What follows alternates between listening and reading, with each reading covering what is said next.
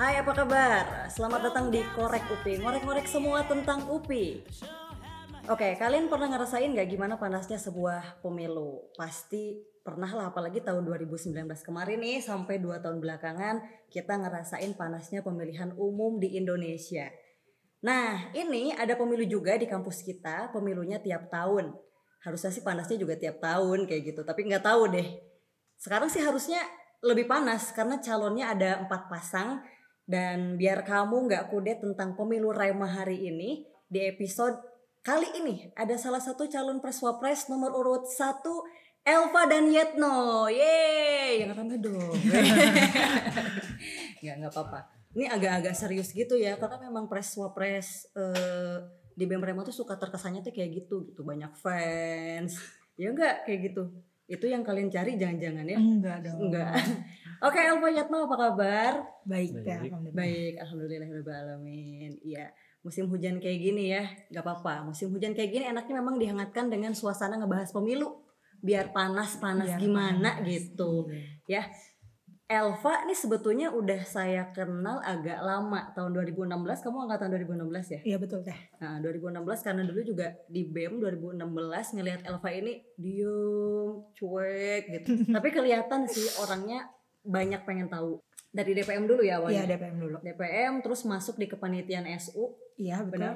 Di BEM Rema kemudian dua periode. Betul. Nah, sekarang sampai akhirnya nyapres. Tapi terakhir ketemu nih Elva bilang di ini kan dibecandain Iya. nih, kayak gitu kan. Pak, majulah 2020. Enggak teh aku mau lulus. Kayak kayak gitu. Benar. Kenapa kamu akhirnya sekarang memilih menjadi capres BEM Rema UPI? Apa yang merubah tujuan kamu? Eh, apa sebetulnya memang kamu punya ambisi untuk itu? Oke, jadi diceritain ya teh. Eh, kenapa sih yang tadinya gak akan jadi punya niat untuk mencalonkan gitu ya? Tadi awalnya udah keterima di salah satu universitas di Jepang di Tokyo International University dan waktu itu belum dikasih tahu lolos jurusan apa. Jadi eh, proses pemberkasan, lalu tes, lalu wawancara, sudah sampai wawancara. Dan waktu itu bilang kayak gitu, ya siapa yang nggak mau ke Jepang by beasiswa full gitu ya. Sedangkan eh, notaben orang apa keluarga saya yang latar belakang latar belakangnya emang eh, kalau bisa ya S2, S3 di beas- di Beasiswa nyari ya. beasiswa lah ya, dapat beasiswa gitu. Dan itu prosesnya itu hampir satu semester untuk pemberkasan sampai eh, tahap wawancara. Waktu itu udah sangat pede gitu ya, sangat pede dalam arti beres dari menjabat Mendagri langsung cabut ke Jepang gitu kan ya. Meskipun universitasnya juga bukan universitas yang saya idamkan dalam arti itu kan swasta ya teh ya. Dan Alfa direkrut pun sama pro- salah satu profesor yang ada di sana gitu ya. Eh, rekomendasi dari dia ketemu di salah satu acara dan ngikutin prosedurnya. Dan akhirnya lolos sampai wawancara. Dan ketika waktu itu ditanyain sama berbagai macam teman kerabat dan lain-lain gak akan. Karena udah dapet nih yang pasti S2 gitu ya. Apalagi di UPI aja bayar sekian aja keberatan. Apalagi di luar yang gratis ya siapa Ya, yang gak mau. biaya hidup tinggi juga iya, gitu kan. ya. Dan dan itu apa yang merubah akhirnya? Apa? dan apa? eh, dan yang merubah tuh Alfa yang pertama adalah keterimanya bukan di jurusan pendidikan anak usia dini. Oh, karena Alfa cita-citanya pengen jadi profesor muda pertama Hmm, tentang hmm, eh, yang concern di bidang PAUD ini. Dan Alfa nggak keterima di jurusan eh, PAUD ini dan daftarnya emang psikologi. Dan Hmm. psikologinya nggak terima keterimanya di HI aduh, di HI dan kalau misalkan concern Alfa ke politik nanti nyambung sih sebenarnya karena ada pengen pengen lah jadi eh, politikus muda di Indonesia tapi eh, kembali ke niat awal pengen jadi profesor yang harus linear jurusannya Iya benar. gitu Jadi Ya. mencari linearitasnya Iya, ya, ya. benar. bukan nyari keren-kerenan jadi politikus gitu. iya Nanti digerebek. iya nanti digerebek ah tiba pulang nanti. itu sih itu alasan kuat eh, dan itu pun eh, dapat info kalau misalkan bisa berangkat lagi di tahun 2021 jadi kan ada gap dulu kan oke. daripada nganggur sebenarnya apa yang mau dikerjain toh eh, project-project ada beberapa project yang sedang dilakukan masih bisa berjalan dengan organisasi ini Hmm, gitu baik. Sehingga orang sekitar pun mendesak kamu untuk maju ya. Betul. Ada kesempatan di sana. Iya, eh, eh, apa merasa ada perubahan yang bisa kamu bawa lewat ini gitu. iya teh gitu. Oke. Nah, No, kenapa sih nggak Yetno aja gitu kan yang jadi capresnya? Kamu kan laki-laki gitu ya. Pasti ada tuh stigma-stigma kayak gitu. Hmm. si Yetno ih hayang-hayangan laki. Banyak banget gitu kan. gimana no? Itu berasa ngomong ke diri sendiri no noan? Sebenarnya eh, saya pribadi gitu teh perlu pertimbangan juga eh, waktu menentukan eh, naik apa enggaknya gitu ya. Kalau dihitung-hitung mungkin tiga bulan sebelum pendaftaran itu sudah sudah ditemuin sama teman-teman FVOK, ditanyain eh, siap nggak naik? dan lain sebagainya. Dan itu sebenarnya malam terakhir Hamin satu ya. Iya. Hamin satu kita kumpul lagi karena bagi FVOK sendiri hubungan dengan FIP bukan sebatas eh, hubungan pertemanan aja. Karena FVOK memandang FIP itu sudah sebagai saudara gitu ya. Iya. Sampai akhirnya malam Hamin satu kita kumpul FVOK VIP dan beberapa teman-teman lainnya. Dan akhirnya inilah keputusan yang eh, terbaik gitu ya. Karena eh, kita nggak hanya sekedar kepengen jabatan tapi kita coba mempertimbangkan apa sih plus minusnya dari kita berdua. Dan akhirnya forum bersepakat ya ini posisi sekarang gitu. Hmm, oke sebetulnya ketemu kalian tuh gimana sih maksudnya ketemu nih kalian sampai akhirnya kenapa harus Elva Yetno gitu sampai klik gitu intinya Elva Hmm. Yetno panjang ya banyak ya jangan panjang ini maksudnya ya, kan dinamikanya perasaan di Mokaku kan juga Hmm. Yatno memang terlibat ya tapi sebetulnya Yatno juga memang anak BEM Rema kan sebelumnya Iya. iya Wah, jadi memang Sebenarnya banyak. perjalanan organisasi kita sama ya. Sama, sama Teh. di DPM, DPM? sama-sama Oh. dua tahun di BEM dan sampai akhirnya Ya, sekarang. berarti gitu. kamu lebih kuulen dari Elva soalnya aku nggak ngelihat kamu dulu Kami memang orangnya pendiam ya. pendiam pendiam tapi nyawa apers loh kan kalau misalkan nyawa apers harus banyak eh, ini loh istilahnya maksudnya berretorika di depan umum gitu kan tadi kamu Hmm. mengaku diri kamu pendiam gimana sih ya menghadapi eh, masa berbicara di depan publik Gimana ya? Gimana Pak?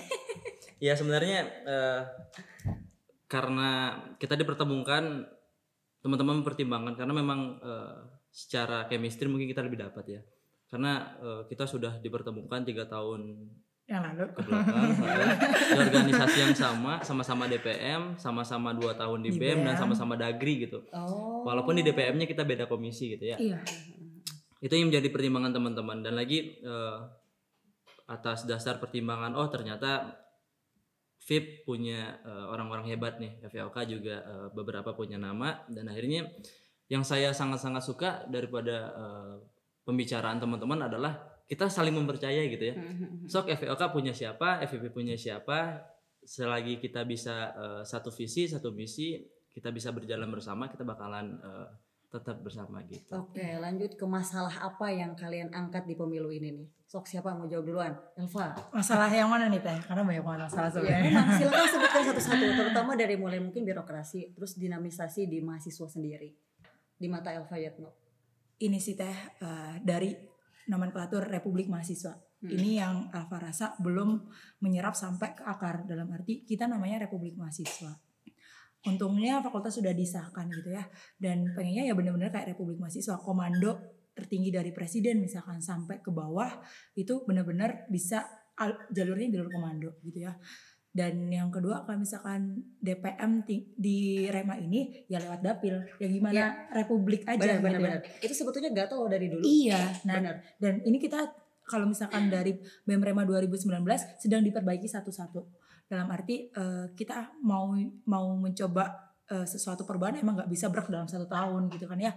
Dan karena sistem Rema ini kan Iya tadi belum belum belum tahu semuanya tuh kayak sistem Rema kayak gimana sih asal sama aja BEM biasa sama BEM UPI sama BEM Rema UPI emang Hmm. bedanya apa nah kita pengen benerin satu-satu dalam arti yang pertama kalau misalkan dari BEM ya tentang sistem komando ini berjalannya sampai mana sih yang kedua kalau misalkan untuk remanya ya untuk DPM ya kalau bisa DPM Rema ya dapil masing-masing fakultas dapil ya pemira kalau bisa gitu Iya. sih Memang harus pemira iya gitu kan. iya Memang harus pemira karena kalau misalkan dapil eh, apalagi tadi bentroknya mungkin dengan fakultas ya ketika ada BEM fakultas posisi DPM Rema yang menggunakan dapil itu yang harus nanti dipikirkan juga Iya. tuh seperti apa kayak gitu. Tapi intinya kalian akan tetap bertahan dengan nama Rema UPI.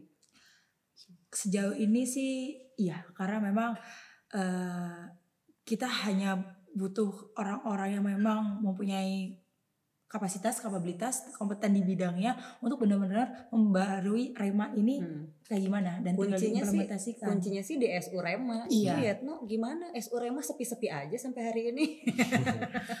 sebenarnya ini juga jadi permasalahan besar gitu teh karena ya tadi gitu eh, masalah terbesar selain eh, struktural tadi ada juga eh, tentang sinergitas teh gitu Hmm. jadi hari ini teman-teman ormawa mungkin masih merasa belum memiliki Hmm. karena apa karena eh, teman-teman sampai hari ini masih banyak eh, kritik sampai ke kita bahwasanya apa sih manfaatnya adanya BEM Rema DPM MPM Rema Hmm. gitu ke kita gitu selama ini tidak eh, tidak memberikan dampak yang signifikan sehingga dari masalah tersebut muncul tuh eh, rasa ya udah sih masa bodoh gitu ya mau ada SU kayak mau enggak dan lain sebagainya.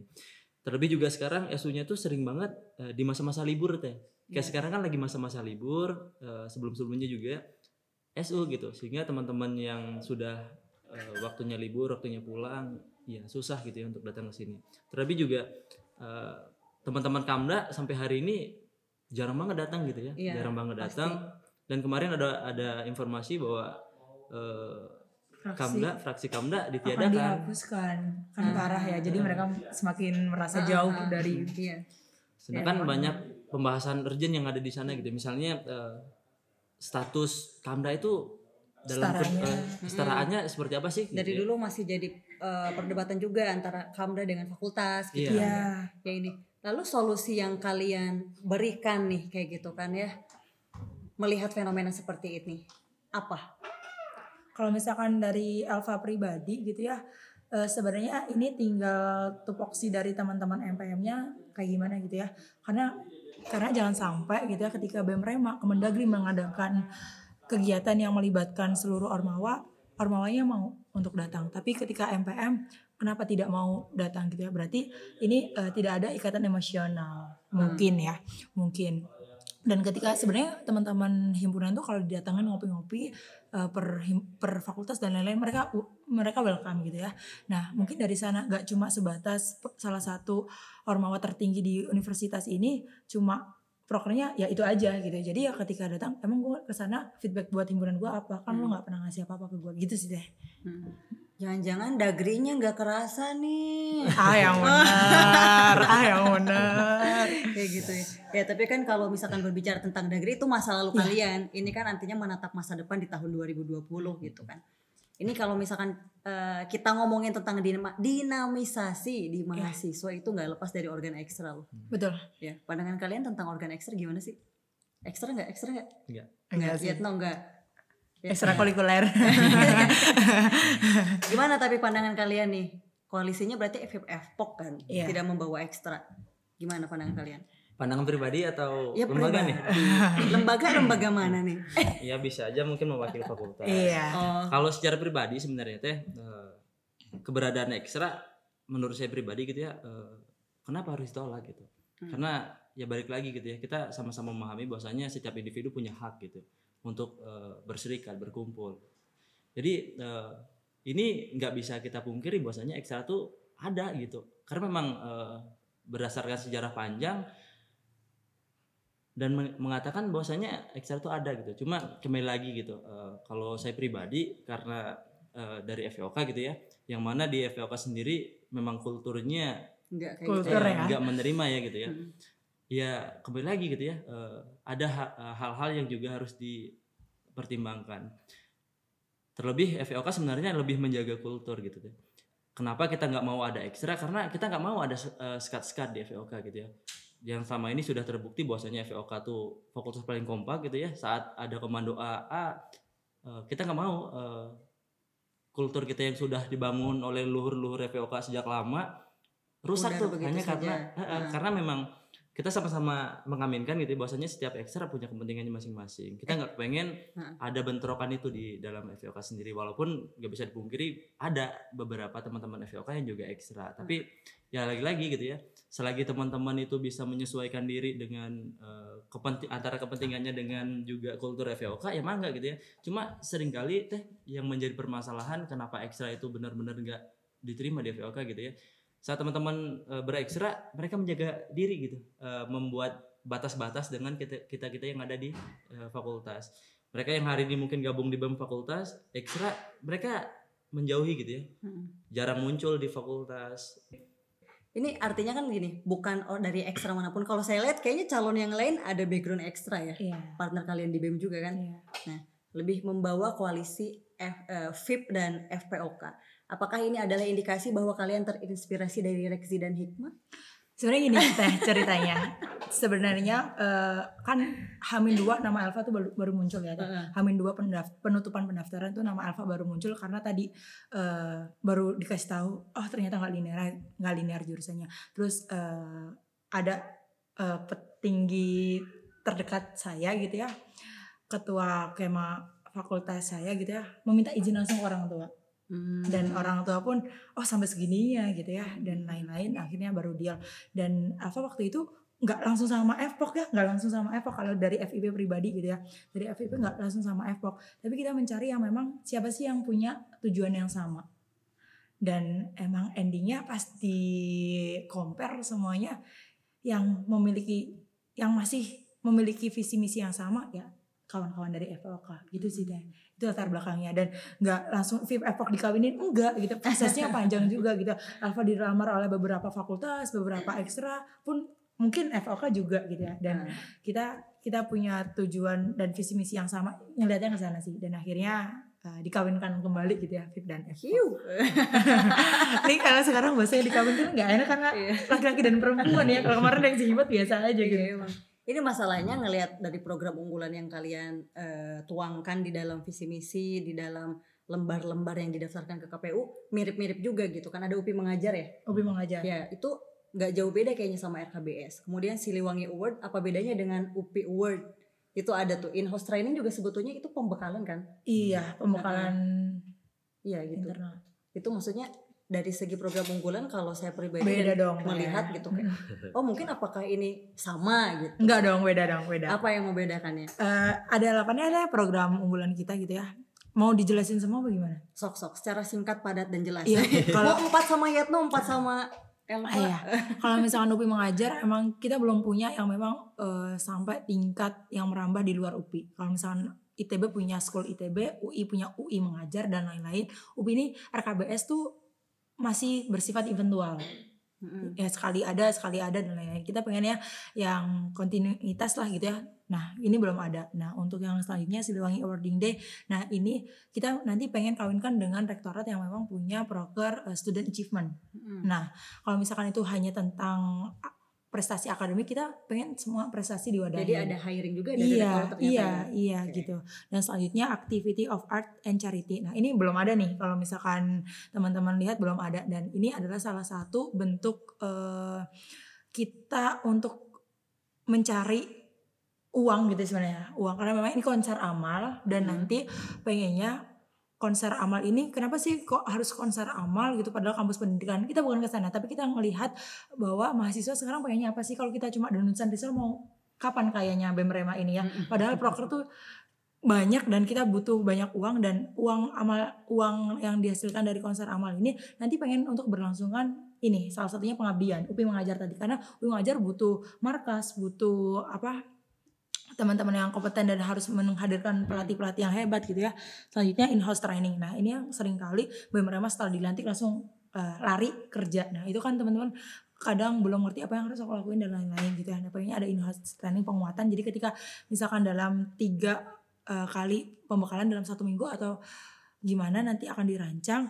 Nanti ketika udah running masalah program kerja mereka udah gak bingung dan gak linglung lagi gitu ya. Ada yang mau temen gak nih Udah. ada ada lagi Eh, kalau kita kan bawa juga eh, bang kajian ya teh. Sebenarnya eh, ini sudah sering diwacanain tapi belum belum terwujud gitu ya. Itu tuh LPJ Dagri bukannya ada juga ya bang kajian? enggak Apa kalau. Dagri nggak ada bang kajian Hmm.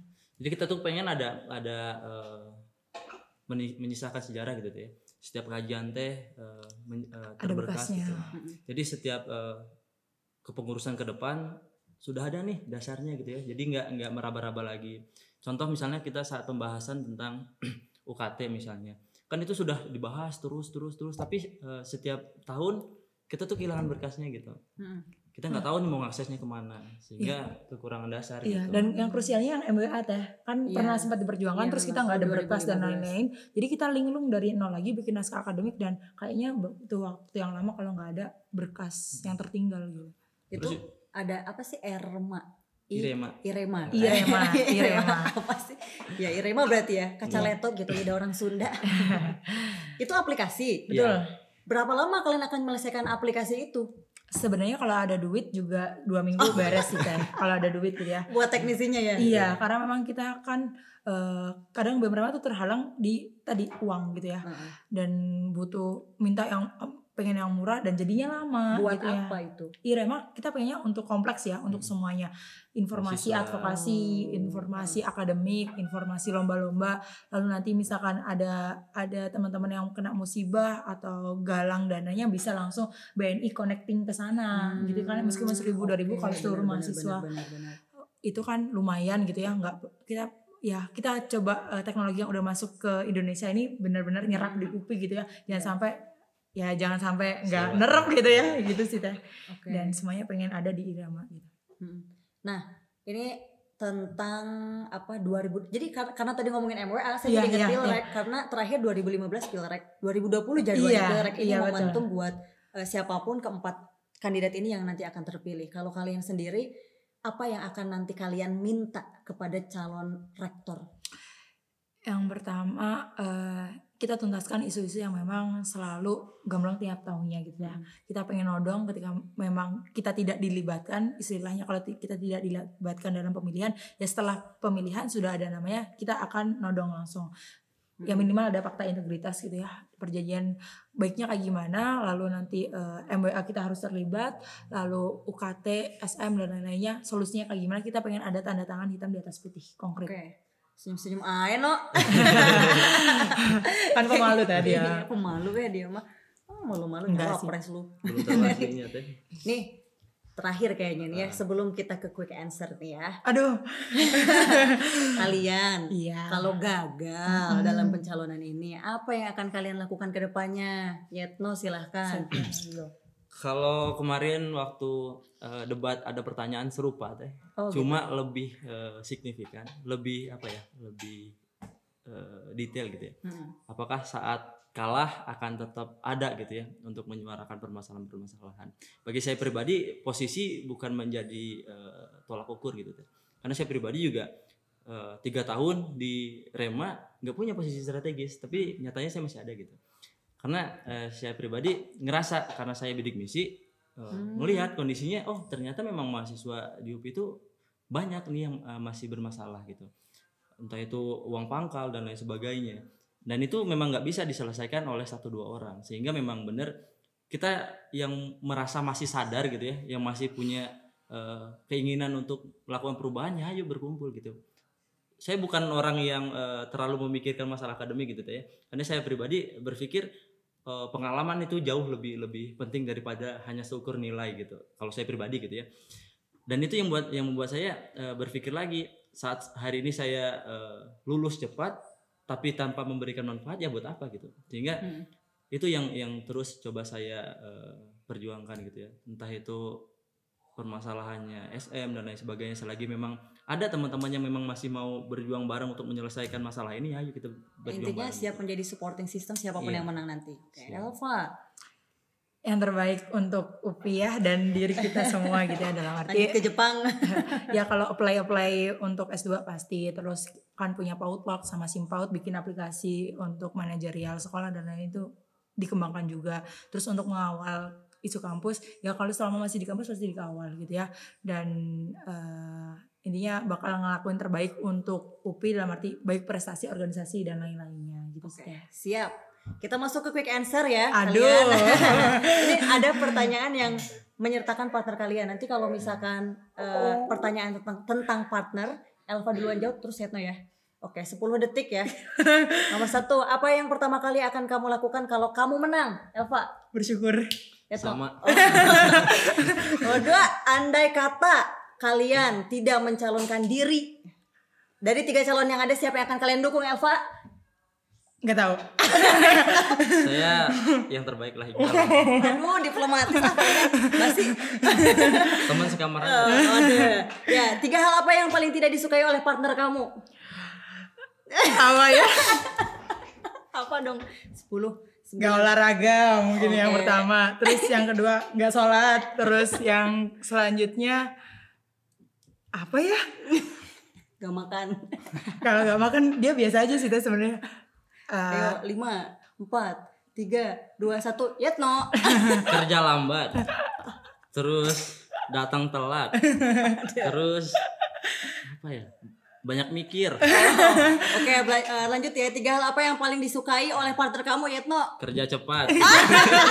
datang tepat waktu. Banyak kerja daripada mikir. Nah, Elva. olahraga tadi ya. Terus rajin sholat. Terus ngajak teman-teman ke dalam kebaikan. Subhanallah, Syekh. Anda soleh sekali. Emang teh parah. Oke, lima kata yang menggambarkan partner kamu, Pak.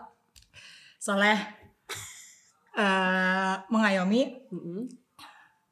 Mau belajar. Hmm. Mau berjuang. Satu lagi apa ya? Mau request nggak? Satu lagi apa? Eh, Bapak Ebel sih. Jadi Oh, Bapak Ebel. ke anak-anak Ada tuh anak PAUD sih ya. Jadi ngomongnya Bapak Ebel. Lihat no, lima kata yang menggambarkan Elva. Kerja maksain. Makan pedes. Apa ya? Cerewet. Terus selektif. Terus ya keren lah. Eh, oke. Lima ya. Sebutkan tanggal lahir kamu. Lihat no, tanggal lahir Elva. Masih belum. Jadi kita kayak Elva, tanggal lahir lihat no. rahasia lah dah. Jadi aku dirayain seupi deh. Oke, terakhir. Staff solid atau proker beres semua? Staff solid. Staff solid. Oke, makasih Elva dan Yetno atas episode hari ini kita bincang-bincang seru banget gitu ya. Kalau misalkan mau yang agak santuy-santuy dengerin korek UPI ya. Siap. Gitu. Jadi sekali lagi pokoknya terima kasih untuk Elva dan Yetno. Sekarang saya menginginkan dari Elva dan Yetno ini gimana cara teman-teman di UPI ini untuk memilih Elva dan Yetno. Silahkan. Dari partner saya dulu. Aduh. Milih kalkulasi. Oke, Eh, terima kasih untuk korek UPI gitu ya yang telah mengundang kami gitu ya. Kebetulan senior juga, jadi Aduh. nggak akan slow respon kalau udah yang punya UPI dulunya yang kontak, udah nggak usah mikir lama lah gitu. Jadi eh, harapannya memang kita bisa mewujudkan Rema UPI dan harapan-harapan kebaikan Rema UPI bisa kita realisasikan jika memang teman-teman percaya kepada Alfa dan Yetna dan harapannya bersama Alfa Yetna nantinya benar adanya perubahan untuk gerak dan untuk kebermanfaatan seluruh mahasiswa UPI yang di mana kita pengennya saling mengharumkan dari bangsa, negara, agama, dan alma mater tentunya. Oke. Ya, pemilu Rema UPI bukan sekadar memilih pemimpin, tapi juga menyelaraskan tujuan. Untuk per- eh, melakukan perubahan kita butuh keberanian. Butuh keberanian untuk melakukan perubahan, butuh keberanian untuk melakukan hal-hal besar. Maka kalau teman-teman mungkin ya anak-anak UPI masih punya keberanian dan punya eh, harapan besar, punya keberanian untuk mewujudkan mimpi-mimpinya, harapannya, punya keberanian untuk melihat UPI lebih baik, maka jelas gitu ya, eh, pilih kami gitu ya. Alfa Yetna ya. Eh, karena Nomor berapa? Nomor satu. Oke sekali lagi makasih Elva dan Yetno dan juga teman-teman yang hari ini menyimak Korek UPI. Semoga obrolan ini bisa menyalakan harapan dan menghangatkan pikiran teman-teman semua. Terima kasih.